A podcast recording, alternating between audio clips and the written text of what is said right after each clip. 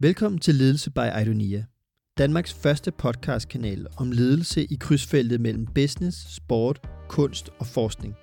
Vi planlægger at udkomme hver måned med nye, inspirerende programmer om ledelseskunsten.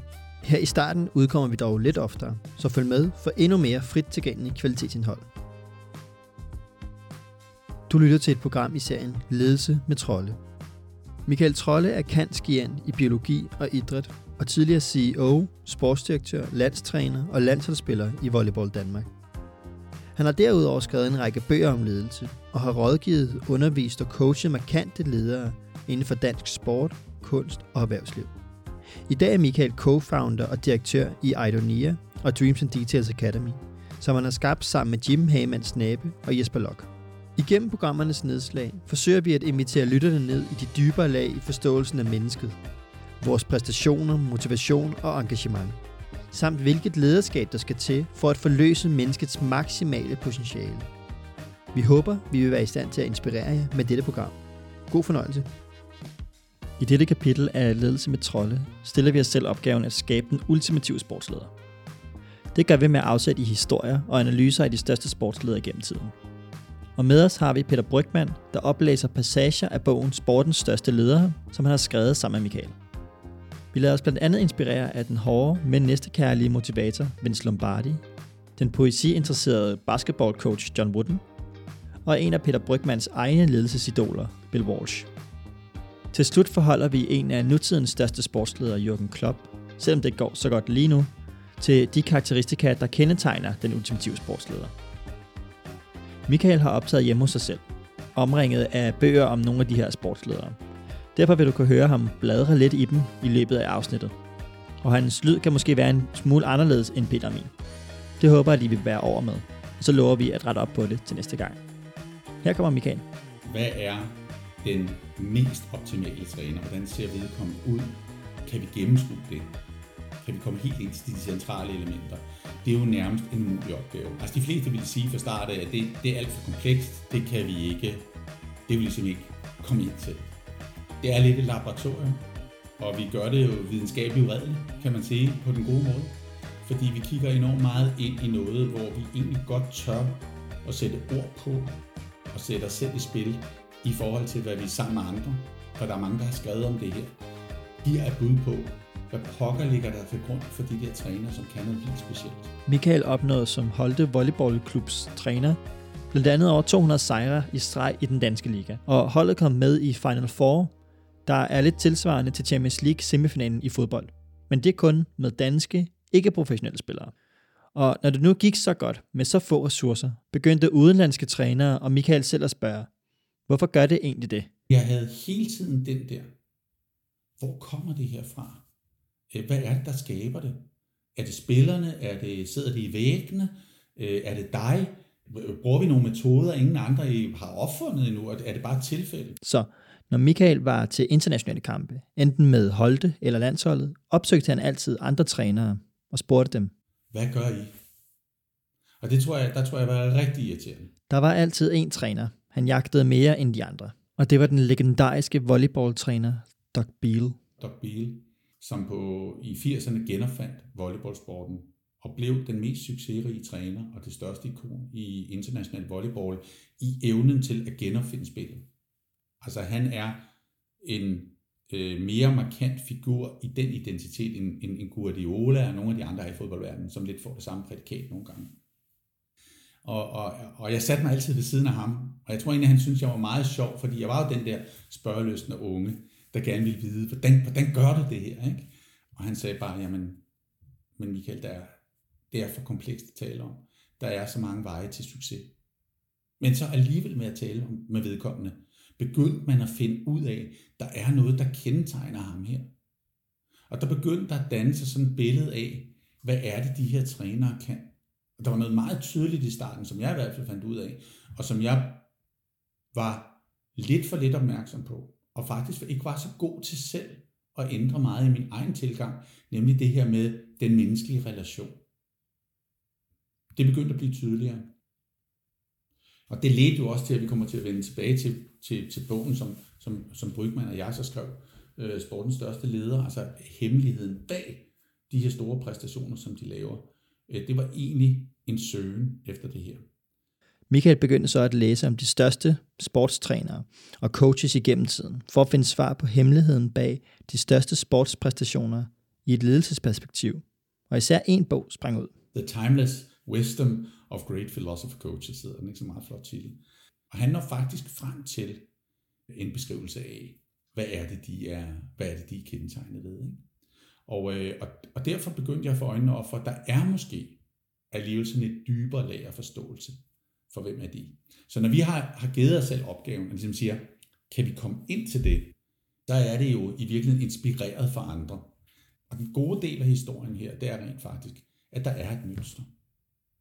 Det er ikke sikkert, at man kan folde det sådan ud med en 100% akkuratesse, kan man sige, eller præcision, men man kan i hvert fald ramme nogle af de der ting, som øh, til synligheden er, er ret vigtige.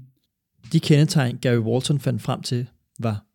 Altså, jeg, jeg lister det bare meget hurtigt op nu her. Altså, inspirerende, meningsfuld drøm, stor tydelighed i retning, udfordrende ambitioner med store forventninger, tydelig værdibaseret mindset, hård konsekvent, næstekærlig ledelse, stor ærlighed og troværdighed, udtalt individuelt anerkendende ledelse, høj faglighed, øh, arbejdet med det hele menneske. Altså man kan sådan mærke, næsten mærke helt ned i maven, når man læser det op, at, at hvis en person indeholder det her i relationen til at være rejseleder, gå forrest, skabe følgeskab, så hvis man bare har strejfet de verdener, vi taler om her, så kan man allerede her mærke, at der er et eller andet i det her, der fylder det her bære rigtig, rigtig godt op.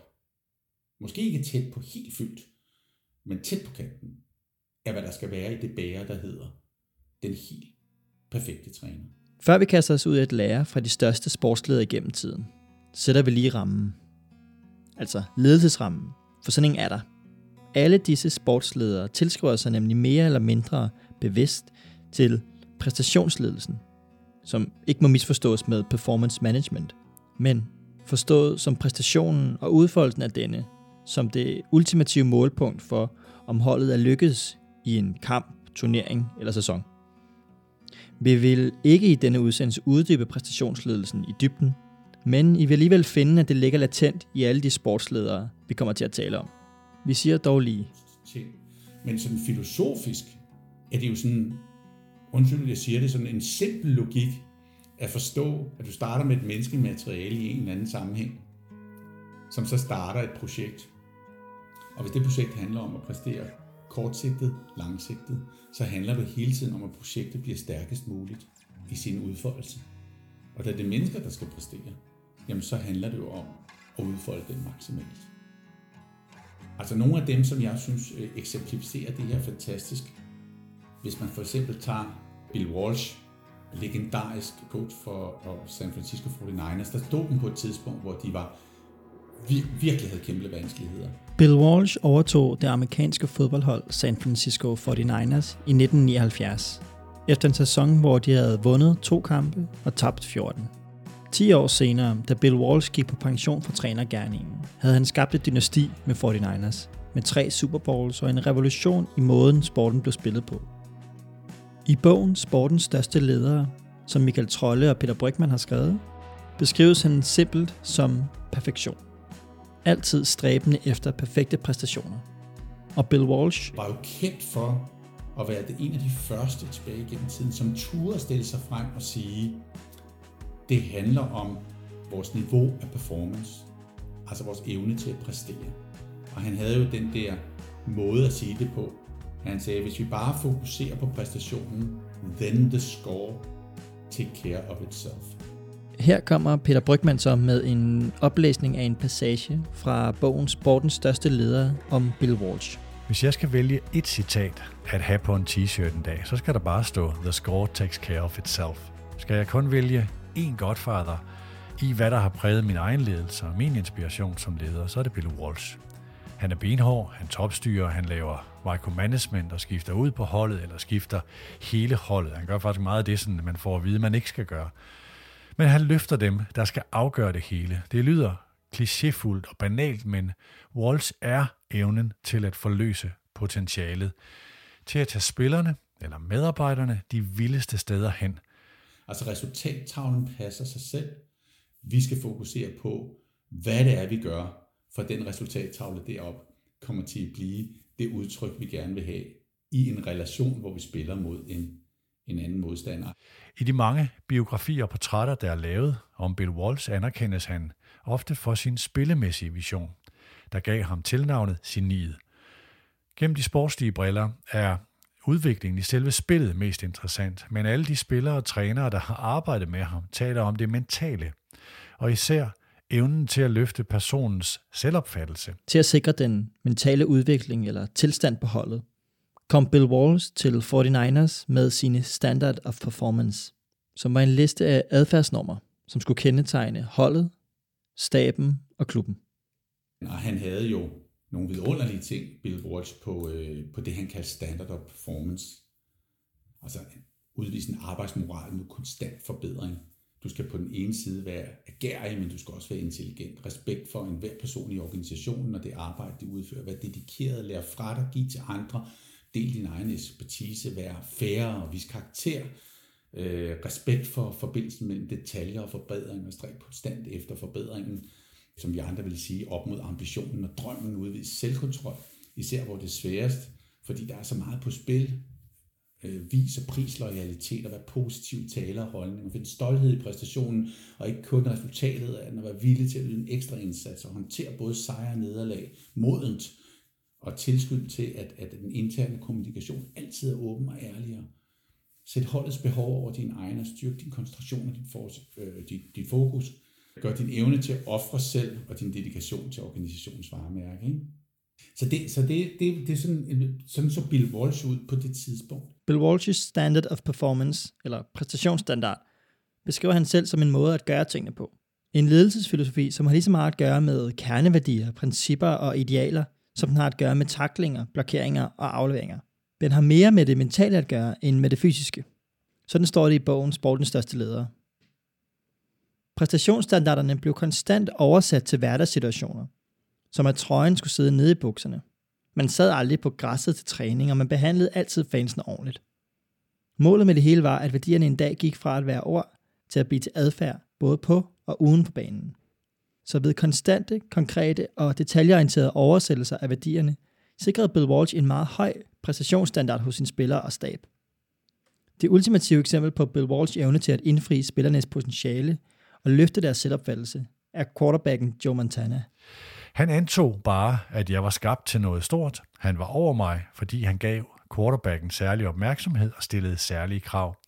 Han råbte og skreg ikke, men kom derimod direkte med anvisninger. Her er, hvad der gik galt, og her er, hvordan vi gør det rigtigt. Igen og igen uden på noget tidspunkt at hisse sig op, indtil han mente, at vi havde skabt den perfekte præstation helt ned i mindste detalje, fortæller Joe Montana i bogen The Score Takes Care of Itself. Bill løftede alle standard uden at råbe. Han tævede aldrig spillerne mentalt eller fysisk, som man har hørt om andre coaches. Faktisk så spredte rygtet sig i NFL, at vi ikke bare beskyttelsesudstyr til træning, fordi han ikke ville have, at vi skulle være helt smadret om søndagen. Der var en særlig let stemning, så spillerne pludselig gerne ville til 49ers. Men han løftede alle standard for, hvad der var acceptabelt. Ikke bare med hensyn til at finde modtageren med en aflevering, men alle detaljer for alle funktioner i staben, fortæller Montana. Det var noget særligt, helt særligt at lære en person, et helt hold, en hel organisation, hvordan man stræber efter at nå det perfekte, at tage vores præstationer til det næste niveau, og det næste, og det næste – og så gøre det. Stedet, som du måske drømte om at nå, men som du ikke troede, du kunne nå. Bill Walsh lærte mig at nå derhen, siger Montana.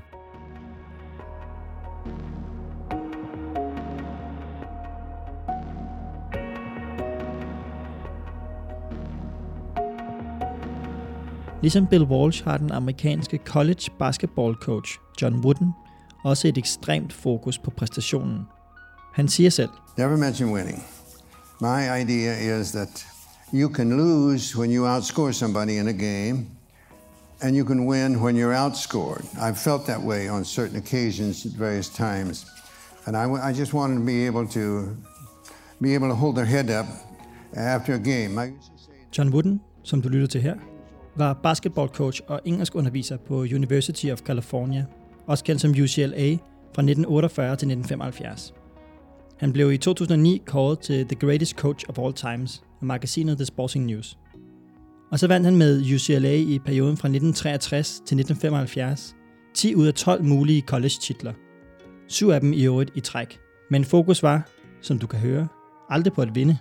When a game is over and you see somebody that didn't know the outcome, I hope they couldn't tell by your actions uh, whether you outscored an opponent or the op- opponent outscored you. That's what really matters. If you make your effort to do the best you can regularly, uh, the results will be about what they should. Not necessarily what you would want them to be, but they'll be about what they should.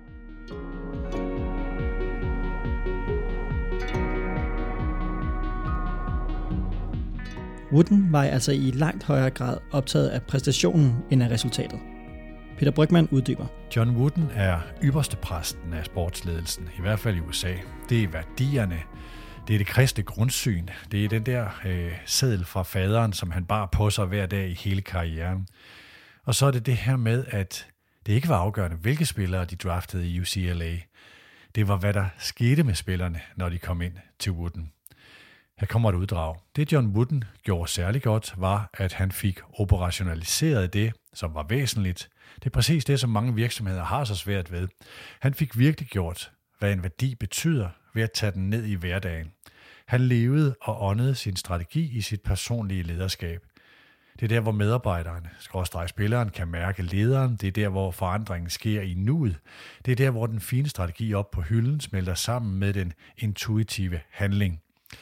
Pyramiden, som Wooden havde beskrevet sine principper i, indeholder så mange værdier, at man måske ikke engang vil kalde det et værdisæt, men snarere en, en samlet adfærdsnorm. John Wooden lavede analyser af, hvor meget feedback han egentlig gav under træning.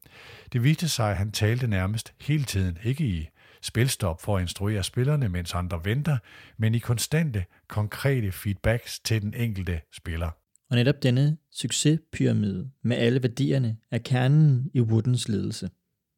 Han fokuserede på at udvikle mennesker først og spillere efter.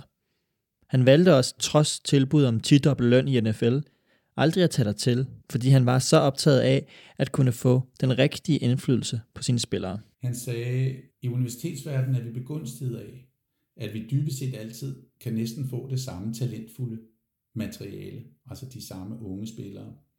Og vi har dem kun i fire år, for de starter som, øh, som rookies og som førsteårsstuderende, til de forlader som fjerdeårsstuderende. Og vi har dybest set alle sammen den, den samme trænerviden. Så det, der er det sjove i det her game her, det er i virkeligheden, hvordan får man dem til at udvikle sig til de rigtige mennesker. Og så efterfølgende er det a piece of cake og lære dem at spille basketball på højt niveau. Så selvfølgelig rekrutterede han ud fra antropometri, altså størrelse, alle de der ting, der de skulle som basketballspillere. Men han sagde, den afgørende detalje i at kunne præstere bedre end andre, han vandt jo et havmesterskab med UCLA, det var rent faktisk, at han havde så stort fokus på øh, at udvikle dem som mennesker, de her unge drenge, som han havde i den periode, og få gjort dem rigtige, så at sige, i han kontekst. Øh, fordi han vidste, at det var i virkeligheden the decisive factor in, in winning. Og derfor sagde han også altid, I just want to outperform them, altså modstanderne. Og det er tilbage til Walsh igen, omkring det her med uh, the score take care of itself. Um, og han havde så den her succespyramide, som han øh, havde beskrevet, og i virkeligheden så er det bare elementer af præstation. Og de blev top forvirret, hans spillere, når de fik den der pyramide, som var på et ark. Jeg sidder med den her foran mig selv, og man faktisk signeret af John Wooden. Jeg har fået den af Fred Sturm, og jeg er vildt glad for, at jeg har den. Og alle disse elementer, der indgår, dem lærte han spillerne gennem artefakter og praktiske seancer i træning. Så når der for eksempel stod self-control eller competitive greatness, så brugte han ikke lange beskrivelser på det. Han havde sin succespyramide, hvor der stod en ganske lille forklaring af det. Og så sagde han, alle disse blokke i den her pyramide, I skal forestille jer, at der er bokse oven på hinanden, der danner en pyramide, og inde i alle de der bokse står der forskellige indikationer af, hvad man skal forstå og kunne for at blive en dygtig basketballspiller. Og så kan man forestille sig, at når øh, Kareem Abdul-Jabbar og nogle af de der kendte spillere, som han har udviklet, fik det her, så stod de og kiggede på den der pyramide og sagde, ja, men coach, hvad skal jeg med det her? Så der står ikke noget om, hvordan vi spiller og spilsystemet og teknik, hvad jeg skal kunne, og hvornår vi træner, og hvor meget øh, conditioning jeg skal lave, alle de ting der. Og så sagde Wooden, det er vigtigt, at du får friendship, loyalty, cooperation, enthusiasm, self-control, alle de der ting på plads. Fordi hvis du får de ting på plads, så får du en hele platformen for at kunne bygge dig selv som basketballspiller. Alt det andet basketballmæssigt, det skal vi nok få på plads. Det her er meget vigtigere. Og det forstod de jo ikke i starten, og de synes sådan måske, at det var lidt underligt. Øh, men langt hen ad vejen fandt de ud af, hold da op, det er jo det, det, er jo, det, er jo det der tæller. John Wooden udviklede sin egen forståelse af succes, som han altid havde stående ved siden af hans Pyramid of Success. I coined my own definition of success, which is peace of mind attained only through self-satisfaction and knowing you made the effort to do the best of which you're capable. Altså det her med, at succes er i virkeligheden din evne til at vurdere din præstationsrejse og vide, at du i den præstationsrejse, med de muligheder, du havde, med de alle de barriere og obstacles, der var i vejen, så blev det faktisk den bedste rejse, du kunne lave. Deri søger du dit selvværd. Deri finder du din selvtillid. Og deri skaber du forhåbentlig et meningsfuldt fællesskab med andre, og får deres anerkendelse for den rejse med alle de vanskeligheder, der kan være, og ikke nødvendigvis resultatet af den. Også hvilket betyder, at vi som mennesker kan risikere at, at være på kanten af livet til sidst og kigger tilbage. Og det, der vil være vidunderligt, uagtet hvordan har ledes vores livs rejse end har udviklet sig, så vi har sagt, vi gjorde, vi gjorde alt det, vi kunne. Fordi det er jo ikke sikkert, at man har givet alle mulighederne. Men inden for de muligheder, man har givet, der skal man gøre det bedste, man kan. Og det er den personlige succes. Altså, der eksisterer en fantastisk historie omkring ham, som godt kan tolkes lidt brutalt, men alligevel i en eller anden forstand taler ind i, i, i en forståelse af de her øh, beskrivelser, som Walton siger, hvad, hvad, hvad er det, de her trænere skal kunne. og den, den, der er den her skønne historie, altså, når han rekrutterede til UCLA, så havde han selvfølgelig nogle af sine scouts ude og finder nogle af de her dygtige universitetsstuderende, som var, skulle kunne blive dygtige til basketball, og som jo havde været dygtige i high school også, og så blev de tilbudt scholarship på UCLA, og så kommer de til deres første træninger. Det er jo sådan tilbage i tiden, skal man forestille sig. Og der er den her historie om, om en af de første træninger med, med et nyt hold før en ny sæson, hvor nogle af de her nye unge spillere, de ankommer i, i træningshallen, og I kan forestille sig, at det er store basketballspillere med stor, øh, stor ungdom i sig, og, og drenge, øh, der kan det hele, synes de, og, og de kommer så ind der i træningssalen, øh, og møder så en spiller, der har været nogle år på hold. Og øh, han byder selvfølgelig velkommen, den her spiller, der har været der et stykke tid, og så videre. Og de begynder så at varme lidt op og så videre. Wooden er, er ikke kommet endnu. Øh, Wooden kommer så, og så er der jo line rundt omkring coach Wooden, og så siger han til dem, jeg er ked af at, at måtte sige til jer, at jeg har ikke rigtig fået annonceret det her i tide, men vi skal have lavet vores holdfoto, årets holdfoto og poster. Det skal vi have optaget i dag, og jeres, jeres kampuniformer ligger ude i omklædningsrummet og så videre. Øh, så så det, det, det er vi lige nødt til at få etableret først. Og, øh, og der ligger også derude nogle sakse og nogle barberskrabere, så I lige kan få ordnet det der med håret og skægget. Og de der to nye unge, der er kommet, de har et kæmpe stort år. Det var rigtig moderne for den tid, og, og, og, og har også haft forskellige former for skæg. Og de tænker, ah, det er bare noget, han siger for sjov. De to hårdpragter går alligevel hen og spørger den lidt ældre og erfarne spiller. Er det virkelig rigtigt, at coach Wooden mener, at vi skal gøre det her? Og så siger ham til den ældre, I skal ikke engang turde tænke ikke at gøre det. Selvfølgelig, det bliver I nødt til. Og de kunne godt se, at dem, der havde været der lidt længere tid, så lidt anderledes ud. Øh, og vi siger jo ikke, at det her det er sådan militærklipning ting, men det, det er dog lidt derovre af. Og øh, de går så ud, og de prøver at klippe noget af deres hår af, og de prøver at, at, at fjerne deres skæg, og det bliver, det bliver sikkert noget, som skal laves færdigere end en professionel, kunne jeg forestille mig senere hen. Altså kampuniformer på, at de får taget det her billede. Og øh, da der så er gået noget tid, og de føler sig en lille smule mere komfortabel ved John Wooden, så, øh, så spørger de ham en dag, hvor de har ham sådan lidt for sig selv. Øh, Coach Wooden siger de så, hvad nu hvis vi den der dag ikke havde klippet vores sår, og ikke havde taget vores skæg af til det her holdfoto, hvad, hvad var der egentlig sket ved det? Og så siger John Wooden, jamen det er, altså, det, er jo ikke så afgørende, siger han så. Fordi det er jo ikke mig, der bestemmer, hvorvidt I skal klippe jeres hår eller skarpe jeres skæg af. Det eneste, jeg beslutter, det er, hvem, er, det er, hvem det er, der spiller på det her hold. Så det er interessant. Han definerer rummet, det kræver, men siger, at det er jeres valg, om I vil være med i det her rum eller ej. Det tvinger jeg ikke til. Det bestemmer jeg ikke. Det er jeres valg i livet, om I vil være med på den rejse. Men inde i det rum, hvor jeg er, hvor vi skal det her sammen, der foregår der noget bestemt. Og det er jo bare et artefakt. Måske har det ikke nogen reel indflydelse på præstationen, men det har noget at gøre med, og i virkeligheden er det, at han siger til dem, hvis I har noget, der betyder meget for jer, hvor meget vil I så ofre for at blive en del af det fællesskab, der så efterfølgende vil anerkende jer.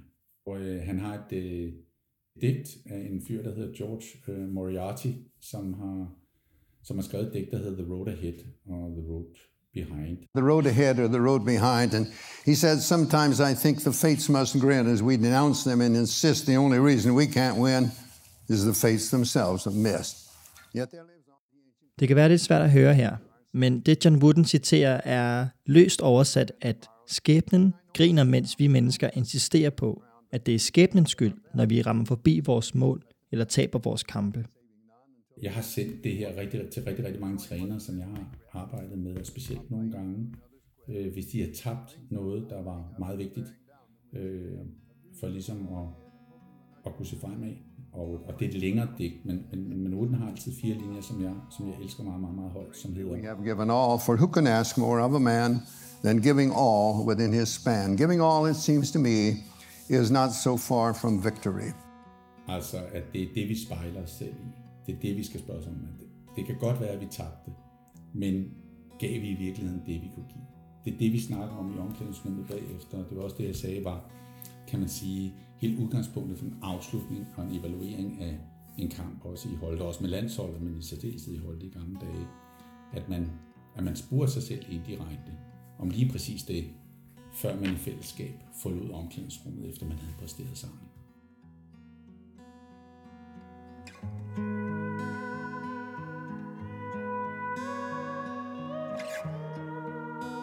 Hvor John Wooden er den rene præstationsleder, kan man sige, at Vince Lombardi er den rå, maskuline kærlighed, man kan næsten sige næste kærlighed i ledelsen.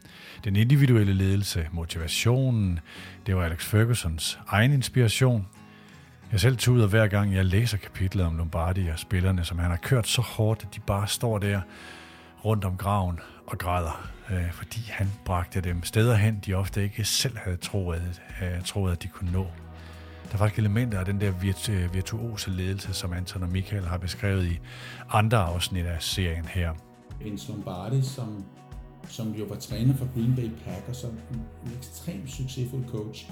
Skrevet mange bøger omkring ham. Han er ekvilibrist i citater, øh, nogle bedre end andre.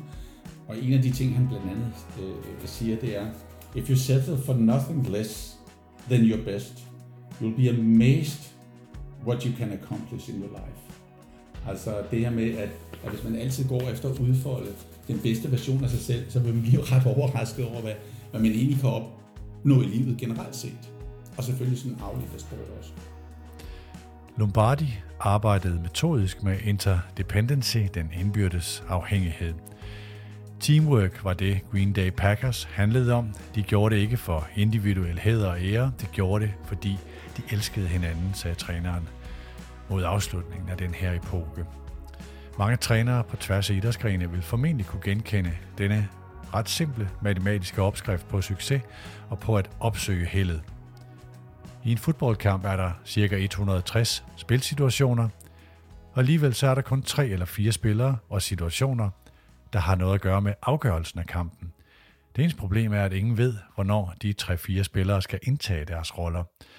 Som konsekvens af det må hver og eneste spiller gå 100% ind i samtlige 160 spilsituationer. Og der er den her øh, fantastiske historie om Lombardi, hvor øh, han arbejder frem imod sæsonen med, med, med sit hold, og der er altid nogle nye rookies jo på sådan et hold. Og der er den her historie om en af de helt nye unge spillere på holdet, som en dag, det er møgvejr. Det regner, og, og banen er fuldstændig mudret og håbløs. Og øh, de er i gang med at træne, og lige pludselig så er der to af de meget etablerede spillere, der giver den her unge spiller et ordentligt fur. Altså han får virkelig en tur og bliver taklet og rullet, og efter træning ligner han jo en, der fuldstændig er blevet rullet i mudder. Sådan på vej ud på parkeringspladsen, så kommer Lombardi over og lægger, lægger sådan armen om skulderen på ham og siger til ham, tillykke med den fremragende træning. Og den her unge spiller kigger på ham og tænker, hvad taler du om? Altså, jeg er lige blevet fuldstændig rullet og smadret, og jeg lignede noget, der var løgn. Og så siger han til ham, og tillykke med, at du er blevet en del af holdet. Og den her unge spiller kigger også op med kæmpe store spørgsmålstegn.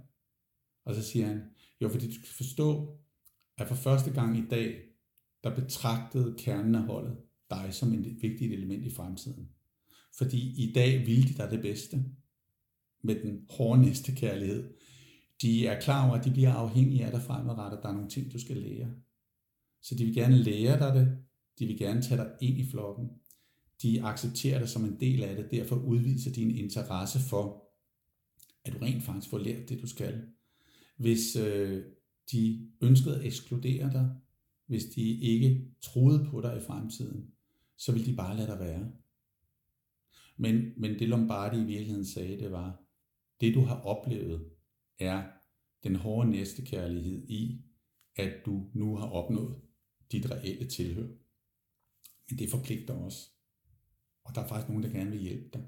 Og den måde at blive hjulpet på, kan så have en speciel adfærd, nogle specielle artefakter, vil man kalde det, en speciel måde, det bliver gjort på i forhold til den sportskultur, et meget godt eksempel på det. Øhm, og, og sådan var Lombardi, altså den der, den der meget patriarkalske, men også meget faderlige figur og tilgang, som nok også ligger i det. Og som jeg jo ser på en helt anden måde i dag, når jeg ser en fodboldkamp med stor glæde. Der. Altså, I gamle dage gik trænerne jo ikke ind på banen efterfølgende og, og, og krammede spillerne, eller og for den sags skyld modstanderne. Altså det her med, at vi er i det her sammen, vi præsterer, vi gør, nogle gange er resultatet lidt tilfældigt, øh, men, men, men, men, men, men den der respekt for, at det her, det er tilhør, vi har sammen, som er helt specielt, og hvor vi måske nogle gange også skal passe på hinanden, og ikke ekskludere. Og det var måske det, Lombardi i virkeligheden bare ville fortælle denne unge spiller. Du må ikke tage det her som et tegn på eksklusion. Du skal tage det her som et tegn for inklusion og tilhør. Og øh, det vi faktisk gjorde i sportens største ledere, det var jo rent faktisk at beskrive hver af de her trænere her, således at det kunne fremgå med endnu større tydelighed, hvad det var, de rent faktisk var eksponenter for. Øh, og det, det, det, det håber vi også øh, fremgår med større tydelighed i, i det, vi har talt om her. En af de ting, de største trænere i historien viser sig at være ekstraordinært dygtige til er at udstikke en meget meningsgivende og klart defineret drøm for deres hold. Altså man kan sige, at når man kigger på de anbefalinger, som, som Gary Walton har med i Beyond Winning, altså omkring de her adfærdskarakteristika hos Great Philosopher Coaches, og hvorfor jeg synes, det er så afgørende det her med stor tydelighed i retning, men i særdeleshed omkring det, det inspirerende, meningsfulde drøm. Så det er fordi, jeg er optaget af, om vi kan få det her til at hænge sammen med forståelsen af Ryan og Daisys tilgang til det også. Ryan og Daisy er et forskerpar, der står bag en af de mest kendte og opbakkede teorier om motivation, nemlig Self-Determination Theory, eller selvbestemmelsesteorien. Du kan finde mere om den i kapitlet Motivationsklaviaturet, der også ligger i serien Ledelse med trolde. Nå, tilbage til Michael.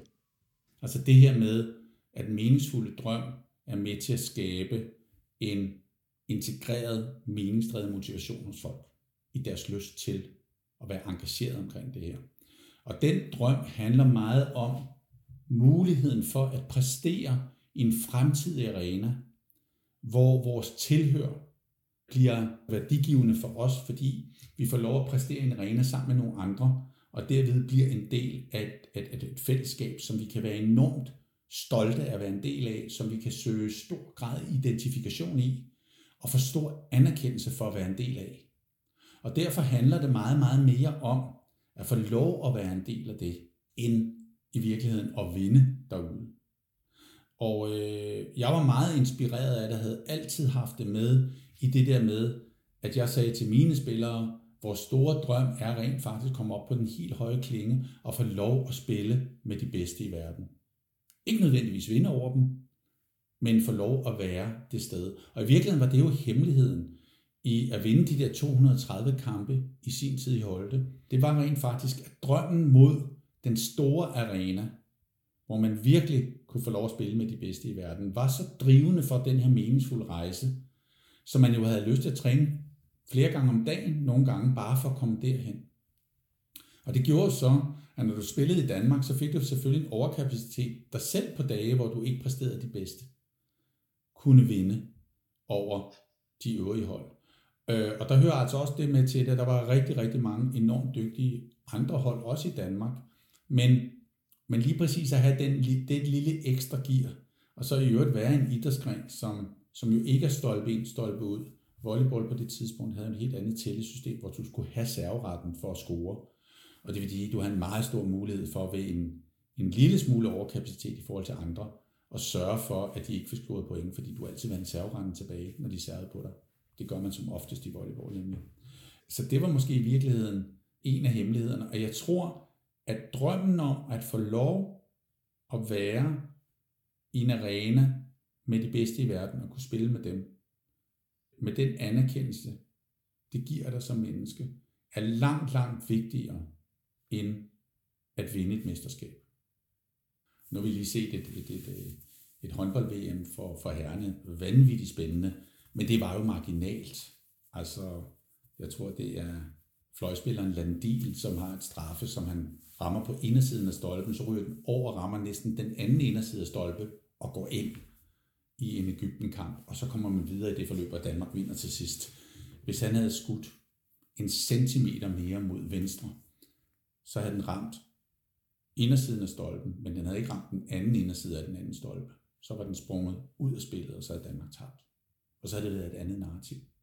Og det kan man jo ikke holde ud som spiller, at sådan nogle marginaler skal være begrænsende for vores lyst til at rejse derud. Og derfor er det rejsen mod arenaen, der skal være det drivende. Rejsen mod den drøm, der er i arenaen, og os, der bliver anerkendt som individer i en del af den drøm, og ikke noget så simpelt som resultat. Og nu tilbage til listen om de primære karakteristika, der kendetegner de største sportsledere gennem tiden. Og de afstikker en, en meget tydelig retning, hvor den drøm befinder sig hen. Hvor er det rum, vi gerne skal hen i? Og også i stand til i virkeligheden at få folk til at forstå, hvilken udfordrende ambition, der ligger i det. Hvorfor der er store forventninger, og hvorfor det kræver, at vi dygtiggør os på den rejse for at komme derhen. Og så understreger Gary Walton, at disse store trænere altid arbejder meget værdibaseret og, og meget tydeligt i, hvad for en adfærdskodex vi i virkeligheden skal have. Det er virkelig forståelsen af, hvordan vi gør tingene sammen. Det var det, vi i Holte i gamle dage i virkeligheden kaldte Holteånden. Det var beskrevet ud fra et, næsten ud fra et adfærdskodex, der ikke var skrevet ned. Det gik fra spiller til spiller. De udviser en, en ledelse, som er meget servant leadership betonet, kan man sige, i sådan en hård, konsekvent næstekærlig ledelse, hvor alle kan se, at de virkelig har viljen til at ville lede og, og elsker rejsen med de her udøvere og aktører, og virkelig vil dem, og vil hjælpe dem også på det personlige plan, og derfor er villige til at ofre sig selv i det også, som træner og ledere. Og fordi de ved, at hvis de gør det på den måde, så får de den største mulighed for og få indflydelse på andre. Så de, så de anerkender indflydelsen som et væsentligt stærkere virkemiddel end power. Altså ledelsesretten, vil man kalde det. Og, og, og hvis de skal derhen, så er de nødt til at være ekstremt ærlige og være meget, meget troværdige i deres måde at gøre tingene på. Og derfor kan de også nogle gange godt blive brutale i deres adfærd, fordi man næsten synes, de er for, for ærlige og for direkte og for markante men alligevel har de den der evne til i relationen at gå meget individuelt til det, som, som, som Kasper Julemand også giver til kende.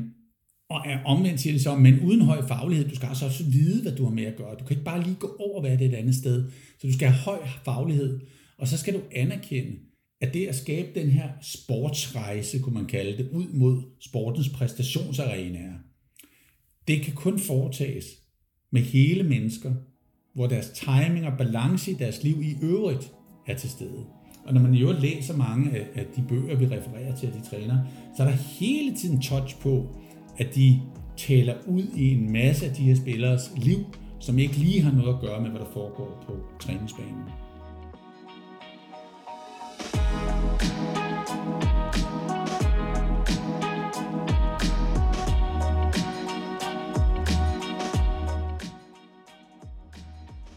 Så vi, vi, vi prøvede også hos os ligesom at sige, jamen, kunne man lave en eller anden form for understøttelse af nogle af de karakteristika, jeg lige har repeteret her, så vil jeg sige, at, at det vi skrev også i bogen, det var det her med det vigtige i at, at kunne bygge banen, skabe organisationen og rammeværktøjet. Lidt platformen vil vi skrive i, i Dreams and Details. Øh, at skabe holdet inden for de rammer, både hvad angår ledelse, team og individets roller. Både at kunne udøve lederskab, men også være manager. Mestre kommunikation, for derigennem at være sikker på, at man kan sikre mening. At skabe, fastholde og udvikle sådan en præstationskultur i det hus, man inviterer folk ind i.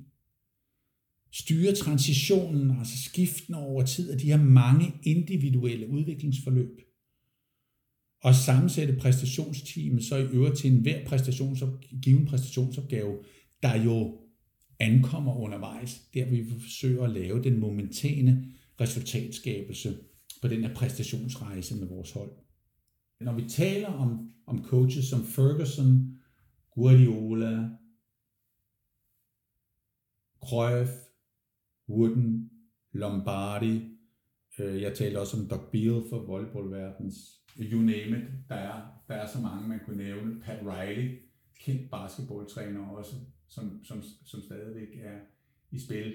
Og, og jo helt legendarisk også, vi har næsten ikke talt om ham. Jeg har ikke nået at læse så meget ind på ham.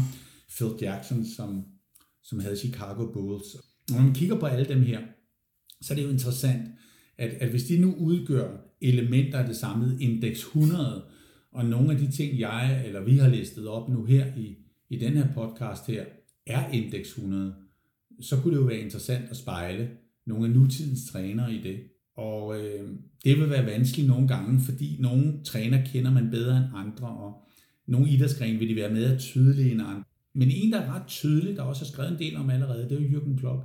Så hvis man læser om ham og ser ham, så synes jeg, at han er et, et godt praksisstudie faktisk. Blandt andre har Laura Ellemann Jensen beskrevet de ni mest kendetegnende karakteristika ved Jürgen Klopp i mandag morgen i oktober 2019. Det første element hos, hos Jürgen Klopp, det er, er det lange lys. Det er jo det her med den inspirerende, meningsfulde drøm. Øh, lad det trække det, og, og hele tiden sørge for at sikre sig holdet, og spillerne bevæger sig i den retning. Så har han øh, element nummer to, som hedder ærlig og klar kommunikation, som er, er meget ned i det, der hedder øh, stor ærlighed, høj troværdighed. Meget tydelig i, i retning også.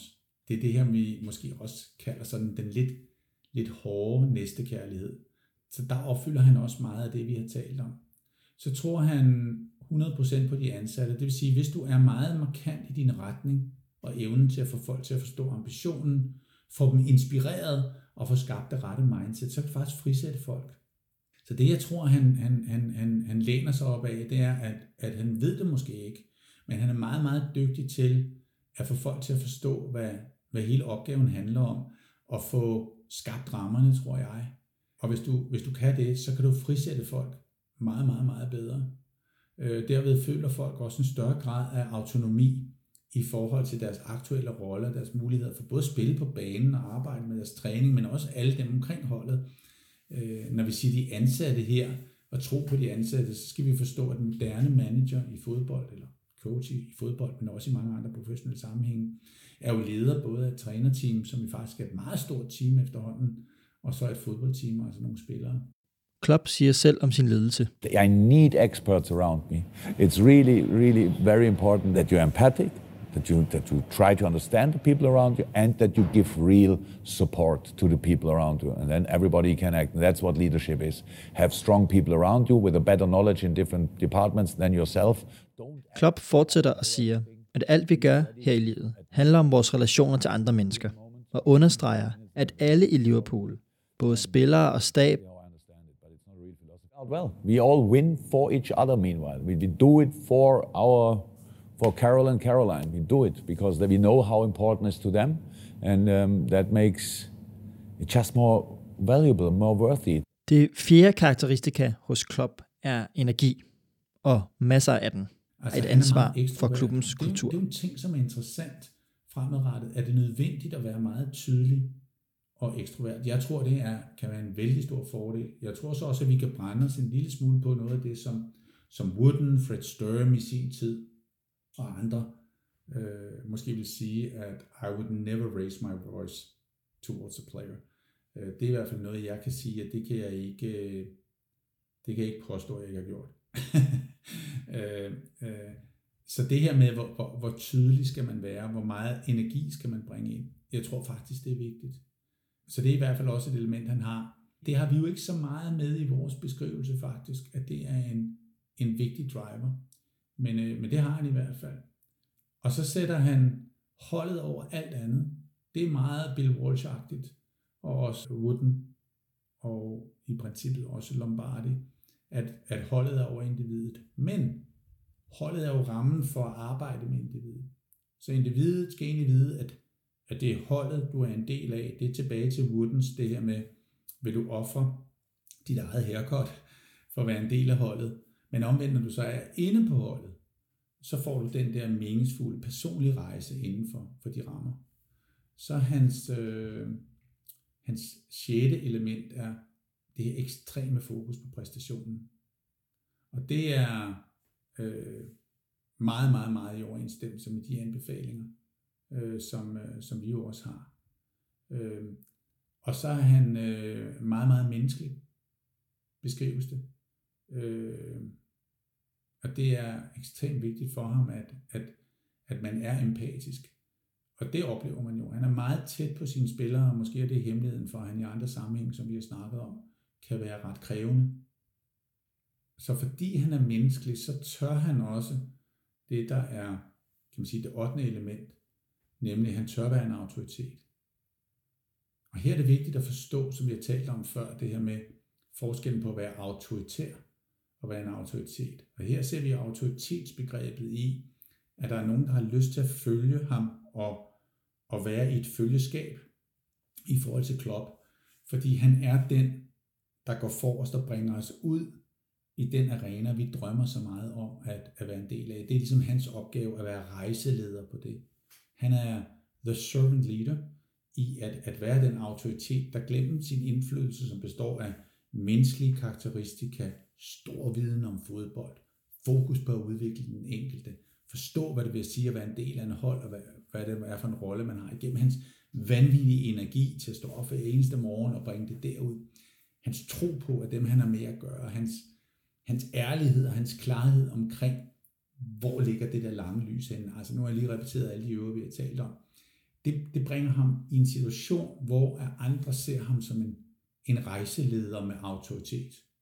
Og derfor kan de tilvælge ham som den servant leader, de ønsker at have, og som derved igennem deres valg af ham, giver ham retten til at have indflydelse på det. Så man bliver valgt til at kunne have indflydelse på. Det er ikke noget, man sådan kan få per kontrakt. Det bliver man valgt til af dem, man gerne vil have indflydelse på. Og så omgiver han sig selv med rigtig, rigtig dygtige folk, som inden for de elementer, der ikke handler om den her ledelsesmæssige funktion, er eksorbitant kloge og skarpe på øh, faglig viden. Altså eksperter, som, som i den grad er dygtige til at, at spille de roller. Det er jo assistenttræner, fysisk træner, alt det her, øh, som han så kan sætte i spil. Øh, og der kan man så vide, at der skal man have altså en vis faglighed for at kunne det, fordi ellers skal man ikke styre det spil af eksperter. Man er nødt til at vide noget om det, man har med at gøre, men man anerkender jo også, at når man har en overordnet ledelsesrolle, så kan man ikke være ekspert på alle felter. Det har døgnet ikke nok timer til. Så det er det her med, at han sikrer i hvert fald den, den høje faglighed. Så hvis vi ligesom prøver at spejle alt det her, vi lige har talt om her, over i de anbefalinger, som, som, som Walton er kommet med, og som vi også har forsøgt at udfolde, så er der hak ved den inspirerende, meningsfulde drøm. Der er hak ved den tydelige retning.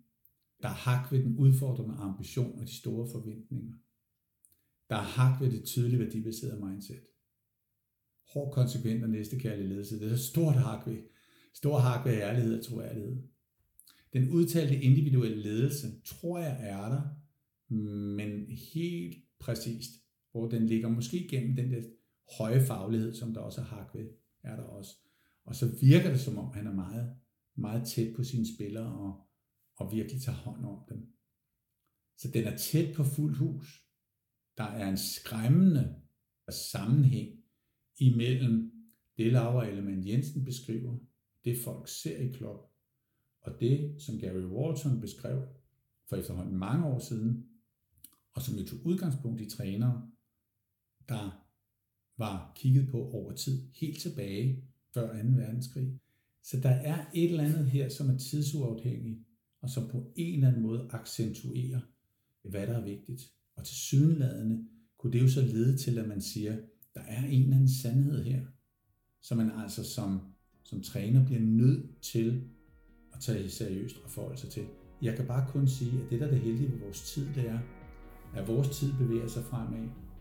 Og i den måde, den tid bevæger sig fremad på, der bliver det mere, mere og mere relevant, både som leder og træner, og være som Walton beskriver, og være som Klopp er. Og derfor går det her jo i den rigtige retning, kan man sige.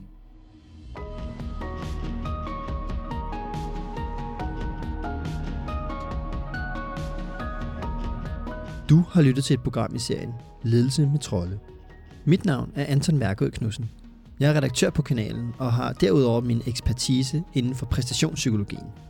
Michael og jeg håber, vi har været i stand til at inspirere dig, og at du vil sende ønsker til emner eller interessante personer, du gerne vil høre fra, i kommentarsporet eller på mail kontakt